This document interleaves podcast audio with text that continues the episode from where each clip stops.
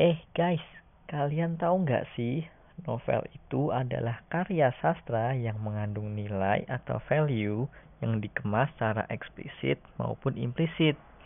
Adapun jenis-jenis nilai dalam karya sastra atau novel adalah sebagai berikut. Yang pertama, nilai budaya. Nilai ini adalah nilai yang dapat memberikan atau mengandung hubungan yang mendalam dengan suatu masyarakat, peradaban, atau kebudayaan.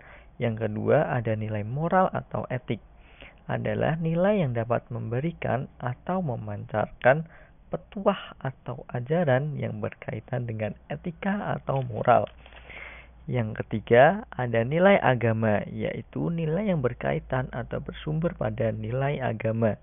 Yang keempat, ada nilai sosial, yaitu nilai yang berkaitan dengan tata pergaulan antar individu dalam masyarakat.